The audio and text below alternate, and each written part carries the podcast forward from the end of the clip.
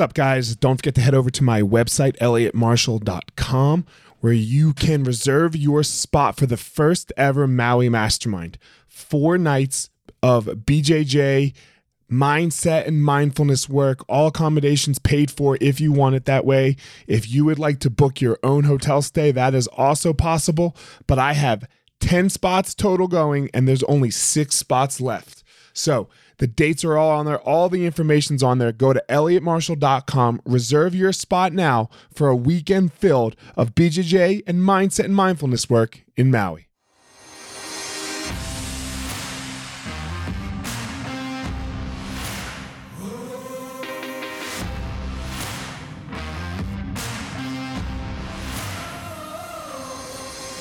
What's up, my ninjas? This is former UFC fighter Elliot Marshall, and this is the Gospel of Fire, where we are going to learn how to go into the fire so that we can find our power and live the best life possible.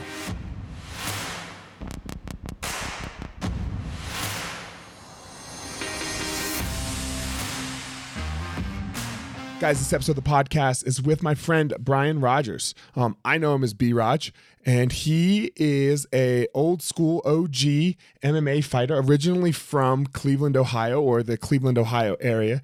And man, we were on separate teams, and I can't say we were ever close or really great friends, but I'm just all about the work that he's doing right now in his life.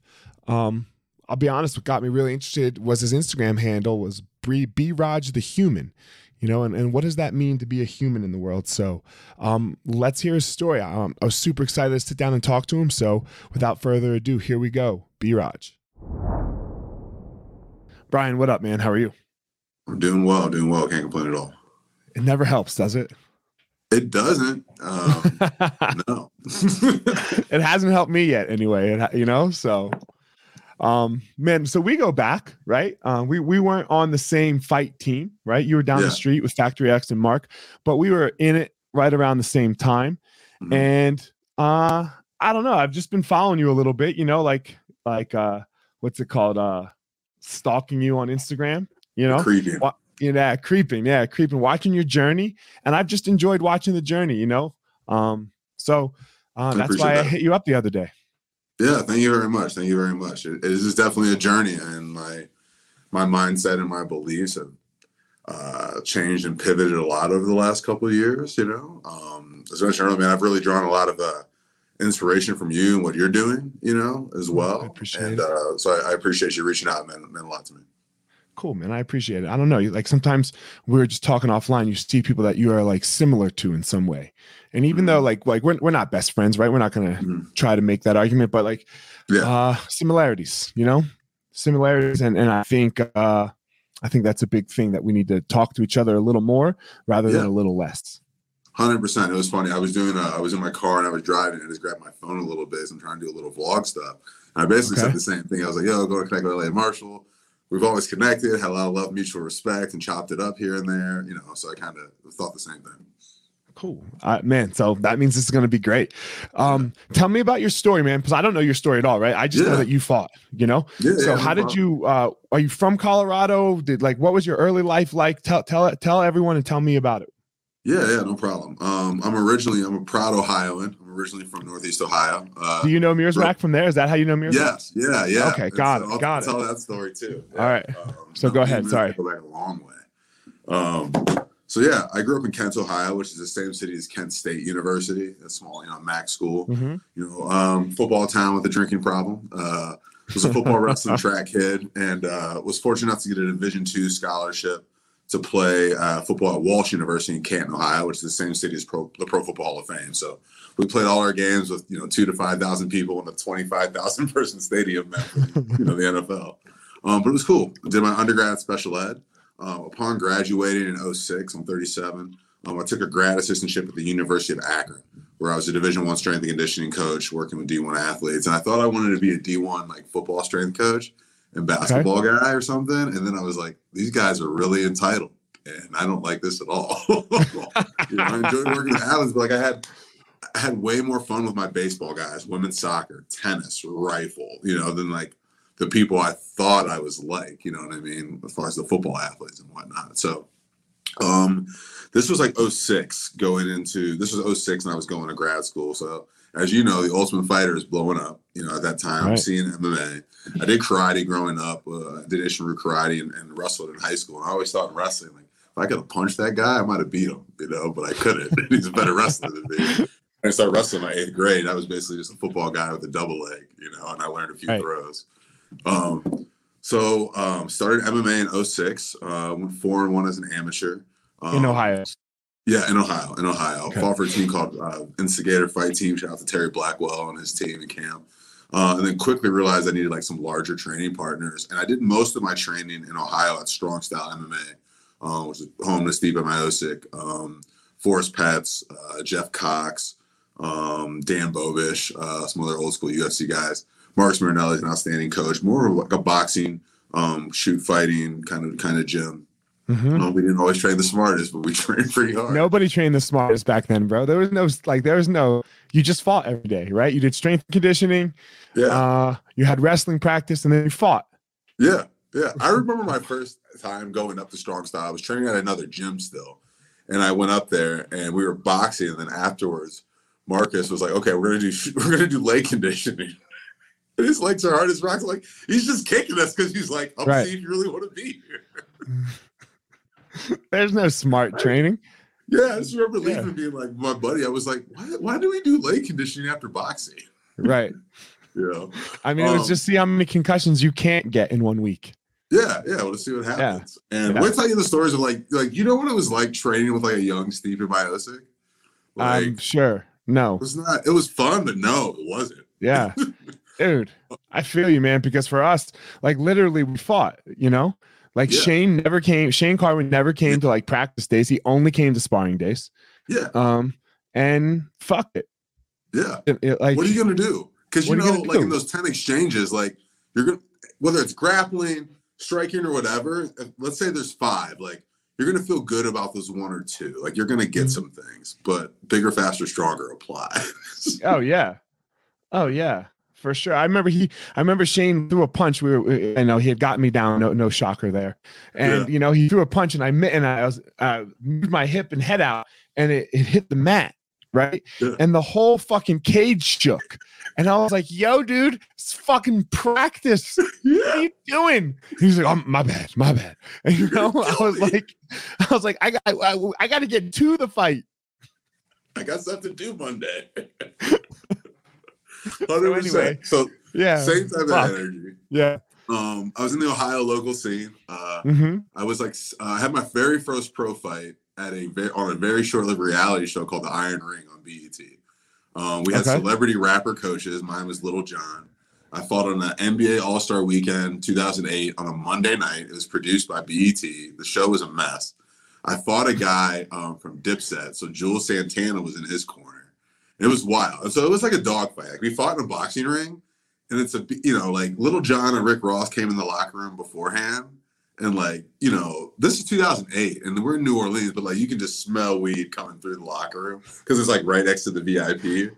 Sure. And Rick Ross comes through, and he wear this giant chain of his own face on his neck. And Marcus, my coach at the time, is like, "Who who is that guy?" You know, and I was like. It's Rick Ross, boss. Rick Ross, homie. Mr. Miami 305. You know, like how do I explain right. this? Right. they come in the locker room, and little John's like, "Y'all ready?" We were we were team head bussa, and he's like, and I'm nervous. I'm like 24, you know, and uh he's like, "You guys ready?" And he's trying to get his hype, and I'm just like, just nodding, just trying to stay quiet. And he says, "He's like, you ready, Predator?" And I just I didn't have anything to say, and I was just like, yeah, and he's like, see, that's why I like him. He doesn't say shit. He just goes out and fights and like storms off. I'm just like, what just happened? Oh fuck. Um, so lost that fight, lost that fight. We got fight of the night, got a whopping fifteen hundred dollar bonus, and I was like, fuck I yeah. made it, you know. Yeah. At yeah. this point, this is my first pro fight. Immediately spent those on UFC tickets, I'm pretty sure. they were going to Ohio at the time, but um, lost that first one, but went on to be like seven and two. Got signed to Bellator MMA in May of 2011. Um, they quickly realized I was an athlete with a little bit more education than most, and so uh, Bjorn Rebney, Tim Danaher, um, uh, president the CEO time, they really took me underneath their wing. And so I started traveling with like marketing people, production people, just sitting in on meetings and things of that nature, just kind of like learning the game. And know, I get to go do some commercials, go to MTV Music Awards, BET Awards, and all that kind of stuff because I was an athlete and a fighter that they could sit in a boardroom, frankly, when they were pitching sponsors and things like that. And so um, I really soaked that up a lot. And so 2011, 2013 is when I first started coming to Colorado. I had met Chris Camozzi trying out for Ultimate Fighter season seven or eight, maybe in Las Vegas. It had and, to be um, eight because he was light heavyweight, right? Chris Chris made it on seven as a okay middleweight. Middleweight, yeah, yeah. But so I, I was on eight. I was on eight. So yeah, were, I was on season eight. Yeah. Um, was eight's final tryouts? Was that in Portland, mate? Not Portland or no? No, everything was in Vegas. Everything was in Vegas. Okay. Anyway. Um, but I, so I met Chris trying out for season seven. You know how it is. They're shuttling you around in those vans to get your medicals. And he was like the only dude I talked to who's like wasn't a jerk or like wasn't just like flexing. Like there's a hundred of us guys. They're gonna pick 16. Like right. You know, the energy's weird. So we started just chatting and just build a relationship. And I was back in Ohio from like 2008 to like 2011. We just stayed in contact, just texting off and on. He was fighting pro way earlier than me, and uh, I started to want to travel after traveling and doing stuff for Bellator. And Chris didn't really have any middleweights. You know what I mean? You know, I think you know Colorado was kind of barren for bigger guys for a while. And uh, so I'd come out here a lot, like 2011 to 2013, um, just kind of saw what the city was becoming and started thinking about life after fighting. And I knew like I knew jujitsu and martial arts would be in my life, and you can't throw a rock and not hit like a solid program around here. And so right. made the move in January of 2014. Um, after having some ups and downs in Bellator and wanting to change camps, you know, uh, and whatnot for that reason. Um, was was married at the time, and her family lived in Nebraska, so it was easier to be closer. And I was expecting my daughter, and so it just made a lot of sense, you know, at the time. So got here in 2014, was just training and fighting, and then was working with Mierzwiak actually, or you know, training with Mierzwiak some.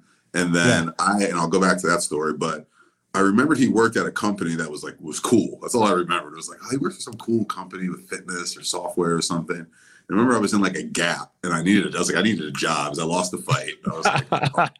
I was thinking it was twelve thousand to show, twelve thousand to win, and the win went out the bonus. So you know how that goes. Yep. So yep. I remember I called him in a gap, holding my daughter. I was like, Hey, I, I need a job that they let you train, right? and he's like, Yeah, yeah, check it out. And so I ended up working at Zen Planner. That was like my first like professional professional job. In Ohio, I was a special education teacher for five years.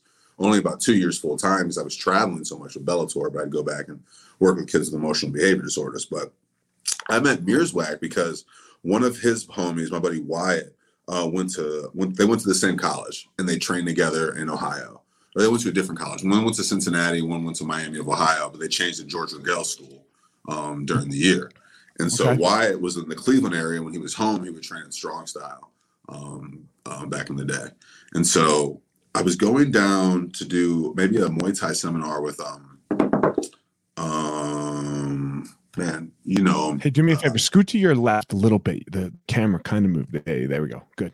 Good. Back in it. You're good. You're good. Now you're perfect. You're centered.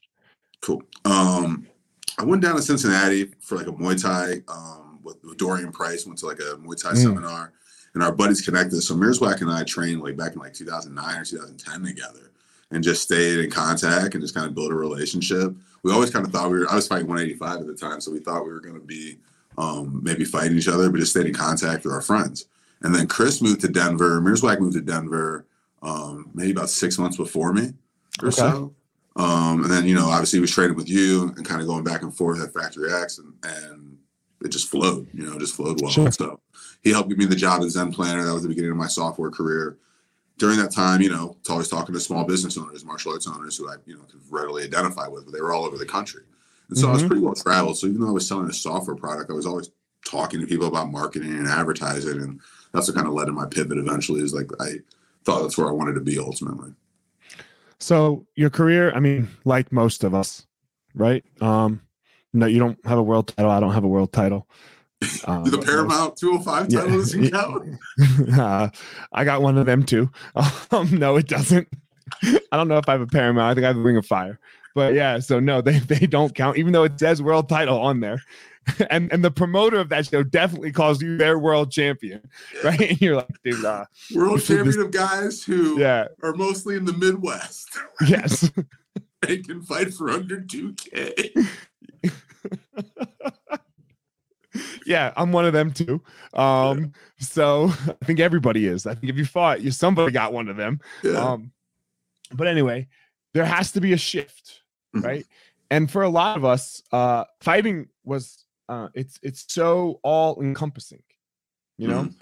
It, it's uh, it's your whole identity wrapped up in it, and your whole everything, because you know people can't grasp it right? People, people can't grasp what it's like to walk into a cage and fight another human unless you've done it you know? Like everyone everyone likes to say oh man i'd go fight mike tyson for a million dollars. No you wouldn't. You'd fucking shit your pants on the way out and you wouldn't be able to yeah. make the walk.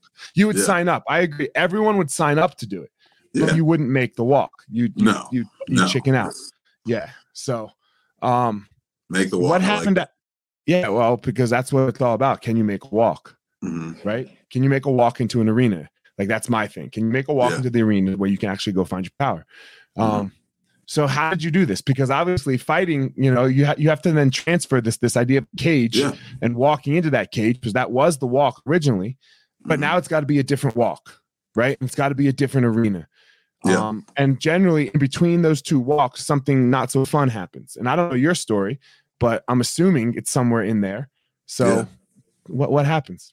it's interesting. I, I, feel like I feel like I've had to do this twice. The beginning of it was um, being done with college football. I always, you know, I I knew I wasn't going to go to the NFL, but you think you might. You know what I mean? You don't really understand right. when the game's going to end. And uh, I actually got ejected out of my last college football game. Okay. and like that was the segue of my fighting career. Like literally on the last play, uh, special teams guy like tried to like you know one of those guys who didn't really play try to like cheap shot me and I saw him and I hip tossed him and my helmet came off and I just started punching him oh, yeah. and we got ejected out the game I got okay. ejected my coach was like we're going to go to the playoffs next week you're not going to be able to play and I was like we're not going to the fucking playoffs you know we did um but I I hit a big deep depressive standpoint big I was very depressed and I had had the going into my senior year, um, some friends of mine were involved in a car accident. One of them passed away, and I was the first one to get that call and like responsible for calling all you know coaches, teammates. Like was the first people who know he, that he died. And I just carried it. I carried that on me for a long time, you know. Um, so then football ends, and that's what I'm trying to figure out MMA. But in this case, like it was kind of the same thing again. Like, what's all right? What's the hardest thing you can do after playing college football? Fight people you know, um, as MMA got done and wrapped up, I wanted a challenge. I knew I enjoyed business and connecting with people and helping people. But what's the next hardest thing you do? Entrepreneurship, all in. And so that was the pivot in a way of like, I love marketing, I love storytelling. I always enjoyed as an athlete, like getting to understand the athlete's real story and those those human elements. And so I got into marketing advertising to help people, help inspire people and, and storytell basically, um, along with connecting, you know, connect and whatnot. So that was the pivot of what kind of drove me. But I think I went into entrepreneurship because I wanted that challenge, and I think in a different way, shape, or form, I probably wanted that title or badge. Looking back, right? It's a, it's hard. Mm-hmm. Mm-hmm. It's a very difficult. So how, how did it go? For, I mean, how, how is it going? Yeah. How did it go? Yeah. It's um man, it's a marathon. It's a legit marathon. I've always it's funny because I've always um been I was known as an athlete as an explosive fighter, and I was like, you know, soon I was, you know, you don't get paid by the hour in there, and I had a lot of first round wins and stoppages, but there's a lot of times I ran out of gas seven and a half, eight minutes in, you know, right? And I've had to like reframe even my fitness and my health and nutrition is like, oh yeah, there's no trophies, there's no award, like you gotta, you have to do it for you, and so, um, in that reframing, so in 2017 I started an agency with a partner who used to work at the big agencies in New York, Madison Avenue, all that kind of stuff. And we ran pretty successful for about three and a half years, but frankly, I kind of had different values and beliefs. Um, she's originally from Colorado. You know, parents had a house in Vail, was up there a lot, and I'm like bleeding through my eyes trying to make things happen. You know, right. So we ultimately kind of split after three years, and then I kind of just was freelancing. And you know, people like let's get put in a label or box as like a sales guy or business development, but really I'm a relationship guy. And if I can help and service you with my my team, my network, or my community, then great. And so I've really tried to carve, carve a niche into strategy. And you know, because of being well traveled, um, connecting with people, being pretty empathetic, like kind of qualitative research and understanding people and human behavior, um, you know, beliefs and behavior, I've like really started to I've really started to flow into that. And so um it's going well in the sense that it's still ad- adapting and evolving. Like, you know, when you're doing your first agency and then it fails, for lack of a better word, you're crushed, you know, and I've worked for a couple different agencies and things like that since. I'm kind of still kind of exploring that. Now I've kind of decided to live in a place where like I do my own agency stuff and kind of freelance, but I've also worked for large companies so I can build. When you say agency, explain agency. Yeah. Um, so it's funny. What I'm building right now is an agency that I'm calling Reciprocity Creative Collective. Um, but for the traditional standpoint, it would be an advertising and marketing agency.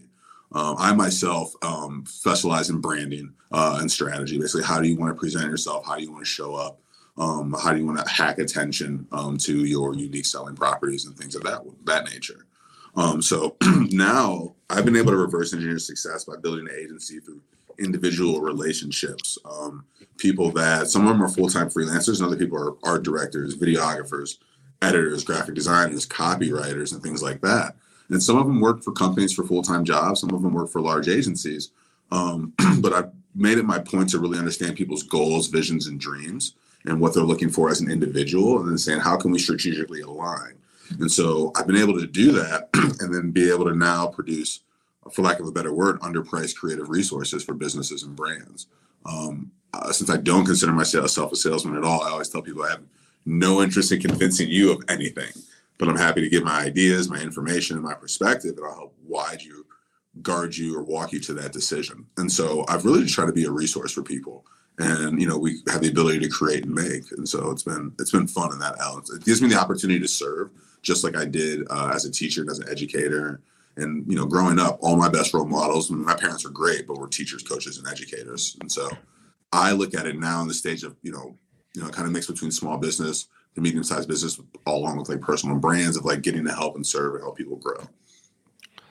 What what is this thing that you know? Um, you know, you're Raj the human. I think on Instagram, mm-hmm. like you've talked about values and, and and people. What is this thing that you have? Like, how did you get drawn to this? Uh, this kind of holistic way. It's, it was what it sounds like to me.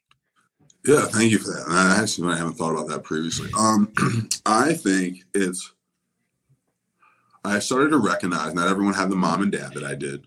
And I think my parents are great, you know. Um, got some childhood trauma like everybody else, but in the big Yeah, who doesn't? Like, my, I'm gonna fuck my kids up too, so what? Yeah. yeah.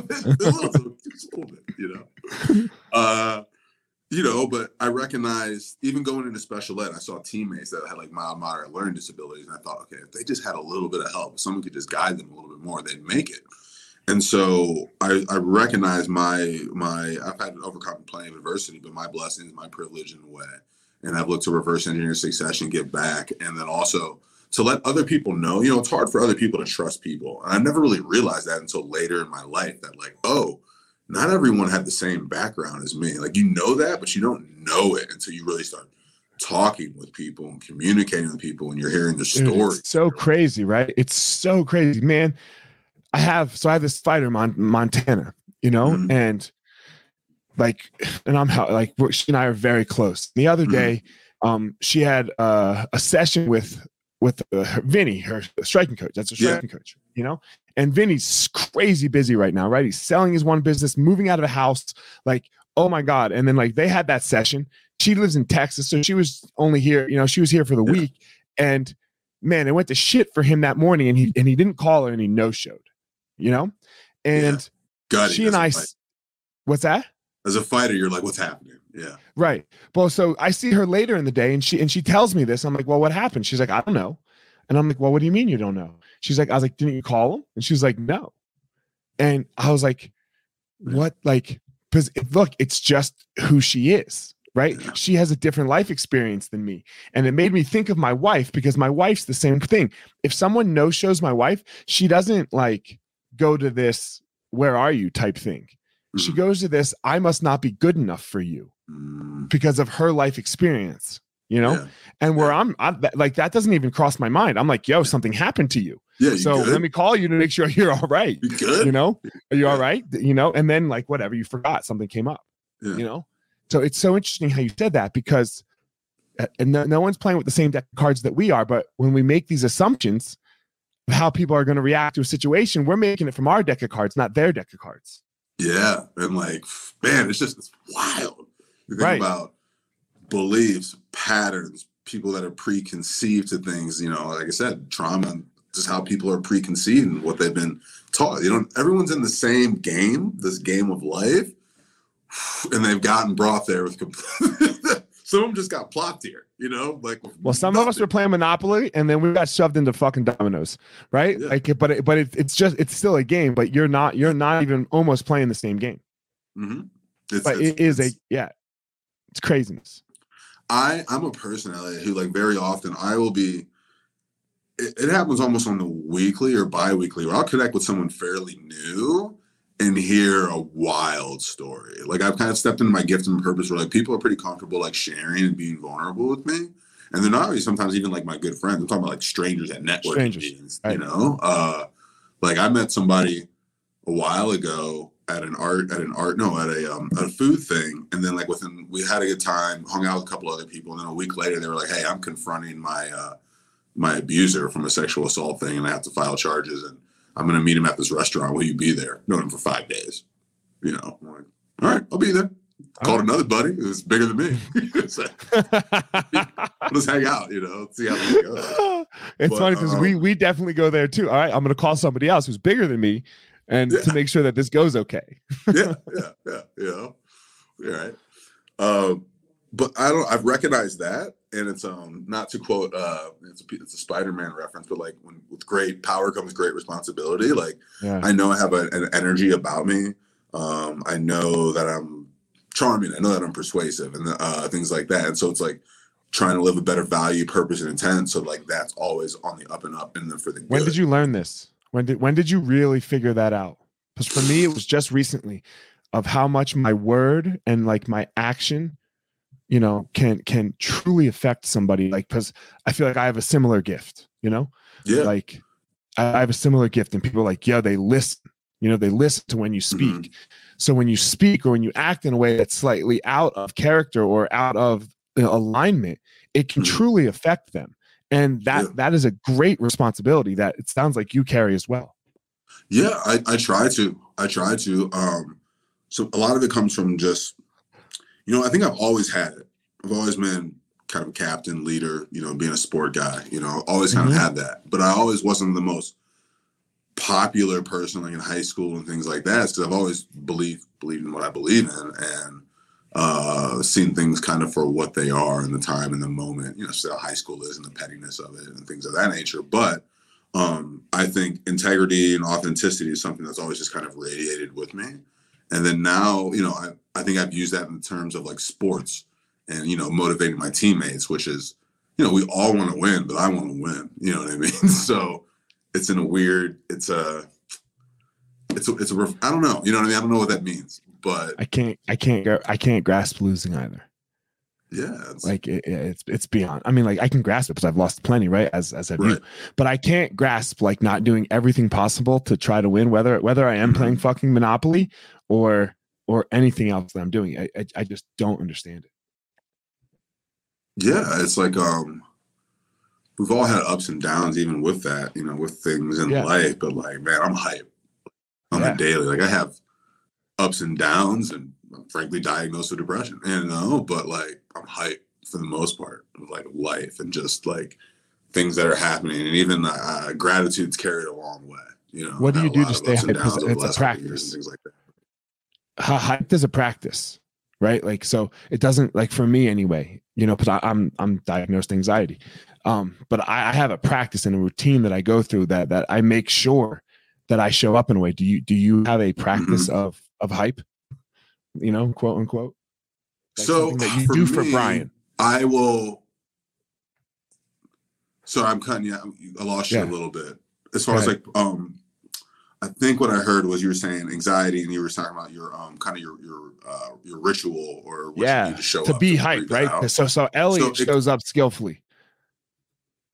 Mm-hmm. Um, sometimes I have to set myself depending on what's going on in my life and personal as I walk into an environment, and I go breath work in the car, or you know things like that. But I've been in a pretty good flow state of late of just like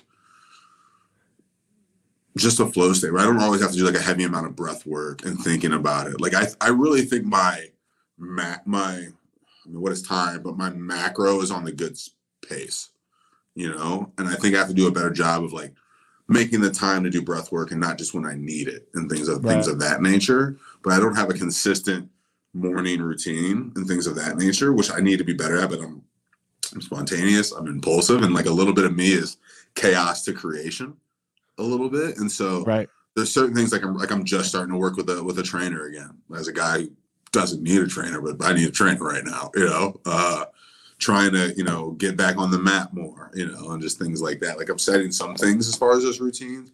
My brain is so wide to reverse engineer success that I throw everything out there that I want to do and then like back into the other things, that make, which is a weird strategy, but works decently. Yeah.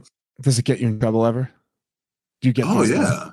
Yeah, it's the ebbs and flows. Like I'm not. It's a. It's a. It's a. Um. I know it's successful from a actions and results and a quantitative perspective. You know, I don't Mhm. have also sometimes the numbers on like how effective I might be on certain other ways. You know, on certain things. Um, but you go with kind of gut and feel, and then also I feel like with relationships and people, you build kind of bumpers around you. You know what I mean? To like you know, as a, as a, in your position, you know, as a leader, as a leader, and you know your roles and responsibilities and the direction you push and pull, and there's other people that fill those gaps. You know what I mean Mhm. around, and so Mhm. I'm trying to figure that out, like basically, like in my business and my personal life. Like I know I need a micro team and support. Like it's all me, you know, in a way, but also there's certain things and support that are crucial within your relationships. Yeah, for for me, I, I would say as as I grow and as I um, do my thing, I realize my circle has to stay very small. Mhm. Um, now, that's my circle. That's my like inner tight circle. Now, once once I start going out, it it, it- gets very large, and I'm and I'm Mhm. great with that. Yeah. You know, but but I realize who who is who is this little thing that can touch Elliott's heart. Like I had to I had to define who's allowed to touch my heart Mm. you know like like and, and and i only uh worry about the opinions of those people when it comes to me now look i'm not saying like if i'm an asshole to somebody Yeah. outside of that circle that i'm not like oh fuck i fucked up right like uh, that's not what i'm saying but when somebody comes down is like yo elliott what do you think about this Mhm. then like you you have to kind of be in that circle Yeah. for me to be Yeah. to, for me to be paying attention um and outside of that i do my I, I do my very best to like touch a human soul and and that's the Mhm. goal so it, Yeah. it comes down to knowing who i am so and knowing where you are but that was a process right? that, that was that was a process for me what was your process like of figuring that out You know, I think I'm, I think I'm still in it in a way. Mhm. I think I'm open. I think to your point, and even kind of said earlier, like I don't want like to think of myself as convincing someone, you know, of anything. And I also, right I know my intent. I know my, even if they don't understand it, you know, I mean, my strategy as far as how I'm looking to communicate or deliver whatever, like I know my intent. And so that keeps me from not worrying about people's opinions and judgment. Because then again, going back to what we talked about earlier, you don't know how they process and their background and things like that. And so, you know, I can come into sometimes places like high energy and that rubs people the wrong way, even if I'm casual, you know, or I even, I try to make an effort to communicate in a way to disarm and build trust. And part of that is because I know people need that. And then part of me is my subconscious self that's like, Brian, you know, you're looked at as a fighter and a, and a large black man. Like you need to, you need to get this situation.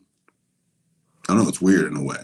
Um, I do it, Yeah. you know, like, I don't know. I don't let's know. let's talk about that- that that that last piece especially um a large black man in today's current climate you know um Mhm. where where you know uh i'm i'm the same i think i'm, I'm lighter skinned that category. You fit the you know? description. yeah i fit the description you know so what uh what what do you do with that you know what do you do with that when in, in this you know because I, Yeah. I i land in many different places in this you know woke Mhm. culture that we Yeah. all fucking live in right now And my, I'll say my children, my children are biracial. Their mother Yep. and her family are from uh, middle of nowhere, Nebraska. Okay. you know, this is So they're white as can be. Yeah. Very. You know, yeah. My wife's my wife's Mormon, bro. She grew up Mormon, so fuck. Mm. Yeah. navigated some shit. Yeah. So go ahead. I feel you. Um, it's interesting. I I I I lean into the uncomfortable, and if you're around me, sometimes I'm gonna force you to lean into the uncomfortable too. So when I, uh, for lack of a better word, if I get like if even if I'm walking in like a gas station, and I see a guy who like I'm gonna typecast. Let's say he just seems really Trumpy, for lack of a better word. You know what I mean? like that? I uh I will go I go out of my way to address those type of people and say, Hey, how are you today? Me too. Yep. I go out of my way, you Yeah. know. Not to be mean, to say hello. Just Yeah. say hello. Yeah, You I'm know, not being a it's dick. I want to see how you're going to react to me. Yeah, what's that energy? Yeah. You know, protect that energy. Yeah. Um, yeah, and I do that with good intent. So in my mind, I'm thinking like, you know, maybe hopefully they'll get home today. Like, you know what? You know what, Jam? They were pretty nice fella I met today. Look, I'm not I'm not going to lie. I go into it with 99% good intent that it's going to go well. And I go in I go in with a little intent that he's going to say something fucked up and you get to beat his ass. Right? Yeah. Like like like I won't lie, man. I won't fucking lie. I go in with 99% good intent and 1% I'm like I hope this motherfucker steps the wrong way. Yes, I uh, in a similar different way when when uh, you know what when things started blowing up at some point, whatever your definition of blowing up is, I began kind of getting back into fitness, and it was also a little after um, the death of Ahmaud Aubrey. Arbery. Um, Okay. And I was like, I need to get back running and moving, but I started running at night. Like I would run at Wash Park at like 10 p.m. Tired, not in good shape. Like I wish a motherfucker would. like I don't like why am I? and My parents would even like, Brian, why are you running at night? I was like, that's the only time I have time. And they're like, I think you. But there's time." 1% where you're like I wish a motherfucker would. Yeah. So um we live we live in such a weird time right especially with this uh you know when it comes to african americans and, and just the the underprivileged to start with Yeah. uh where, and and look uh, my, my perspective is this we need to do everything we can to make the uh, to equalize out the opportunities for everyone in the world yeah, it is not fair right Yeah. it is it is not fair and is not equal however when i'm speaking to a, a young black male or a young gay person or whoever it is uh i'm not going to tell them that it's fucking unfair i'm going Right. to tell them that they can do it like Yes. you you you need to be able to do this because if i tell you it's unfair then you're fucked because if it's unfair Yeah. then you're fucked you know Yeah. so i can't understand why we can't land on both sides of this fucking argument like why why do we have to choose one side of yes it's unfair or no like the pick yourself yeah i believe yeah pick yourself up by your bootstraps yes come on let's go but Yeah. that's for the individual that's not for the greater whole so you know um why is this so difficult for people conscious and unconscious bias, and just and lack of empathy. yeah you know, whether they can't. I, I very often say, and um, I very often say the truth is somewhere in between. Right. With anything. But what is truth? Truth is generally based on feelings, emotions, and wanting certain desired results, you know? So even what the the truth is in certain scenarios get a little gray, a little vague for people, you know? sure um, and not a lot of people want to really think you know really think or really talk about some stuff to examine these things these process you know? Because you get it every once in a while like you, you've been somewhere where you've had a conversation with someone and they have different beliefs or viewpoints and you're not suddenly trying to convince them but you enlighten them or share something and you see them you, you see you kind of hit them and change it you know? But it takes a lot of work to get there. Man And, uh, you know who and it's a lot of work was- for us to say that and then also be there receive know know who is this person for me it's Leister Bowling you know least it's yeah, Leister Bowling, you know, because yeah, I mean, on the on the surface, he's uh he's a Trumpian, right? Yeah. You know, um, and he he grew up in I can't remember the town right now, right? Right, Lyons, Colorado, where there's not yeah, a fucking colored person, other Yeah. than maybe a broke Mexican that works at the fucking Mexican restaurant, you know. But and to have me as a friend is, is different for him, you Yeah. know, like Mhm. a, like a black Jew. I'm a black Jew, Yeah. and and he's brought me in in a couple situations recently where he like or I've talked to like his wrestler kids who are a lot like him, right? Like yeah you know, white kids, you know, Yeah. and we're like, yo, this isn't cool, and this is why it's not cool. So, but it took a while, like you were saying, it didn't happen right away. It took a minute, and to his credit, he sees it. You know, Yeah, now look, yeah. is he not going to? Is he going to stop being a conservative? No, right? yeah Um, but like, I, I don't, I, I don't really fucking care. Like, what are Yeah, you doing to the individual person that you're dealing with? Yeah, absolutely. You know? It's funny. I, I have, I've had a little opportunity to spend time with Lisa. He coached Chris Camozzi for a Mhm. bit a couple years ago. So we were Yeah. on one or two travel one or two travel trips together. Okay. And played some blackjack together. Oh man, I'm sorry. Did you get how long did you get stuck at the table? Uh, I mean, he's got more money than me, so Bro. That's that's the fucking problem though, man, is you don't leave. Like I had I had to steal his chips one night. Like we're leaving. And then he's like, I'm gonna go to McDonald's, 'cause, you know, and like I, I go and he's walking back to the table. I'm like, where did you get that $25, motherfucker? You know, like we're leaving. It's 3 a.m. We have been here since six. Okay. Yeah. We're fucking leaving. the plane is leaving. Yeah. anyway, go ahead Um, with I Leister. don't know what to say. I know I cut you off with problem. You're saying you had an opportunity to be with around Leister a couple Oh times. yeah, we just you know we just yeah. have to train and hang out. You know what I mean? And uh, Mhm.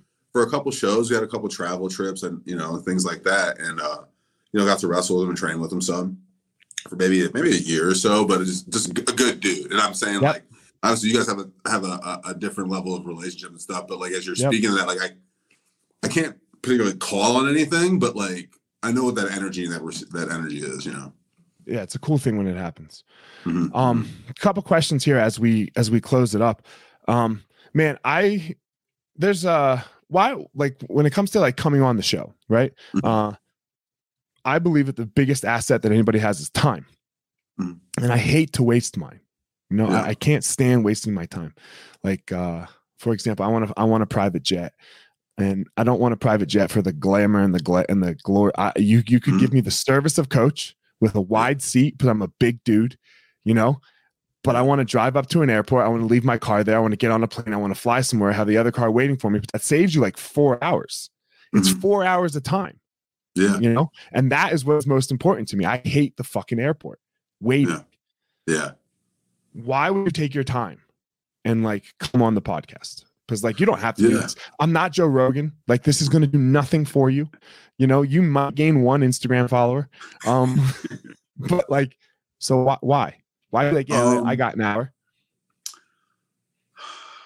I, I, I think I might have said this earlier. I also, as time is very important, but I also very often say time is fake, and it's based on our beliefs. You know, it's based on our beliefs and what our priorities kind of are. For me, I knew as I go to this, like I knew this was going to be what it is, like a good energy and experience, and I value that and the, the you know the connection and you know further building a relationship, you know, and, and things of that nature. And so I'm like, oh, that's going to like oh, it's here. Me and LA are chopping it up. You know what I mean? Like Sure. that, that's here, you know? And so I kind of look at it that way. And even with things like, like I love driving, I love road tripping because I, I like to think, you know what I mean? I like to almost travel slow in that aspect Okay. because of the process and the thing. But I'm a, I'm a complete extrovert. Like I love talking to people, you know, too, like, yeah. you know, like, um, but yeah, for me, I, I'm very often the same time is fake. Like the other, a while ago, I was talking to a friend. They were like, "You're late a lot," and in my head, I was like, um, as she said that, I was like, "Mm, "Yeah, usually 'cause I'm doing something, I'm working, or you know, whatever. I'm scattered." And I thought to myself though at the same time, and I was like, "Yeah, I'm late a lot, but you don't, you don't communicate your feelings authentically. So who's wasting whose fucking time here?" Like that's where my head immediately went. You know what Sure. I mean? Like, yeah, what am I? I'm five minutes late. What am I? What are we doing here? You know what I mean? Because like, Right. so I think about things in that way sometimes, and like other people. But you're still a time. That's still time, though, from my perspective, right? Because you don't want to. You don't want to waste your time communicating with someone that's not going to Yeah. communicate their feelings authentically to you. Yes, yes. I guess it's just going. Um, this is gonna get real funny. Like the time, the time different. Yeah. different No, no. I I, I agree with you that time isn't that, that the time isn't real thing, but authentic time is a, is a thing. Yes, yes, Yes. yeah. You And I crave yeah. that. I Yeah. crave that, and sure. so maybe that's probably the answer and the, the magnitude within that. You know. Got it. Um, I believe everyone has a unique power in the world. You know, Mhm. uh, something that that they go out in the world and doesn't necessarily make you rich or famous or anything. Uh, what would you say your power is? Um, I think it's a. Uh, I'm going to kind of just ruminate and say a few things. I've been trying to figure that out, and um, I really need. I really want to figure out. Um, I really want to get down to my purpose with Aaron, with our mutual friend Aaron Weed. I really want to hit the dig and do that process. Yeah, I saw that you you hooked up with Aaron, huh? Yeah, I so- love Aaron. Ryan Harris connected me maybe last year. So you know Ryan Ryan too? Ryan's my guy. Ryan's one of the first dudes I felt genuine like love for when I got from in Denver. Who's like when I like Ryan emailed me two jobs at Notre Dame yesterday. He was like, "Hey, are you interested in these?" Like, Dude, Ryan's- Ryan Harris is my fucking homie. Yeah. She she connected me and Ryan. Mhm, mhm. We're the ones who came up with- yeah. All right, we're the ones who he he came up with this term Obama black because he's his his dad's what black and his mom's white too. So we call each other we're Obama black. You know? Yeah, yeah, yeah. Like so, it. you know, your kids are Obama black. Yeah, yeah, Yeah. So I fucking love Ryan and I love Aaron. Fuck yeah. yeah. Oh man, that's awesome. So I That's did a awesome. dig with I did a dig with Aaron. But go ahead. Yeah, Tell me about yours. I, and I want to. I knew, I knew you. I knew you had. I knew Ryan. Yeah. Had, you know, I just haven't got there yet, but very much want to. Um, So but going my I my think, word um, is power. So that's why I asked this question. Okay. Um, I think I'm, I'm kind of I'm gonna ruminate on it. I haven't Yeah. distilled it. I haven't distilled it down to that word. Mhm, Um, mhm. I think I'm here. Have you ever done like a human design or like your gene keys or anything like that? Mm-mm. These kind of like somewhat astrological, but I, they say everyone has a life path or their own DNA encoded, and mine is very much to lead, to inspire. I think to instill belief. Um, I'm an idea guy, and uh, it's it's inspires to help eliminate fear. Um, it's to help people. I haven't figured it out, but I just know I'm on that path within like things that I'm doing and, and putting my energy into. But inspire, create, help help uh, facilitate human connection, belief. do it do the Yeah. dig because the dig uh she, she changed my life Yeah. you know like she not changed it but like i i got i it, she opened it to a different perspective with this power thing Yeah, uh, that that she gave me so go do the dig it's it's worth it it's it's worth it appreciate that. Appreciate Yeah. that.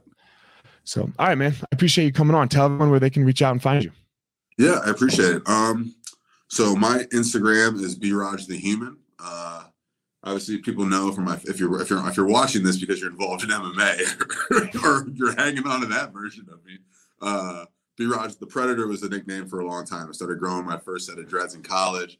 Had three, so since I've I've cut them because I've got them pulled once in a fight, and then other times just stress. But anyway, uh, Biraj the Human on Instagram. I'm really excited about um, a new agency collective I'm building called Reciprocity Creative Collective, and then that's not that's not on social media. But then I do have a media brand that I'm working on uh, called Brands That Get It, and kind of the idea behind Brands That Get It is to really tell the stories of the humans in front and behind the scenes of the brand uh, and companies and um, businesses and brands that are doing cool things. Obviously, the term that that gets it can mean a lot of things. It could mean uh, in terms of their content, their messaging, maybe something cool or creative they're doing, maybe something they did for the community.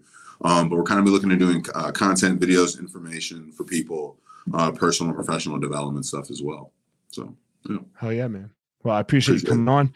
Guys, go grab your Gospel Fire shirt. There's, uh, Okay. there's many. Go to elliottmarshall.com. Everybody can grab their shirt. Um, hit shop.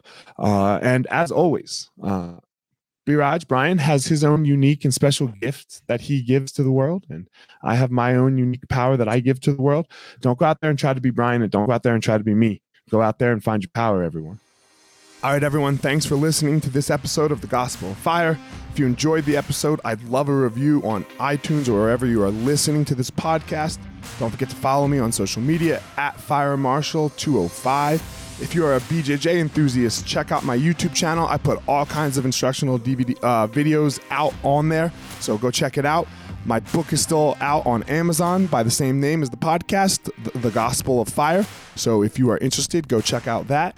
And most importantly, guys, go out there every day, find your power. Thanks a lot. Guys, look, I get it. I totally get it. You opened a martial arts school, and man, it's kind of crushing you. There's all this other stuff to do other than teach, right?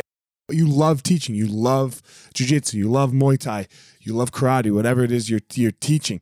And man, but there's all this other stuff. There's there's the front desk. There's there's taxes. There's curriculum. There's cleaning. There's there's problems, staffing, covering. Whew, man, it's so much. It's so much. Well, let me tell you, uh, we have started what's called Easton Online, and Easton Online is here to solve all of these problems for you. Easton Online is a digital academy for martial arts school owners and managers. Will help you establish or enhance your business with best practices. Most importantly, we're going to help you get back to what it is that you love most teaching and doing martial arts.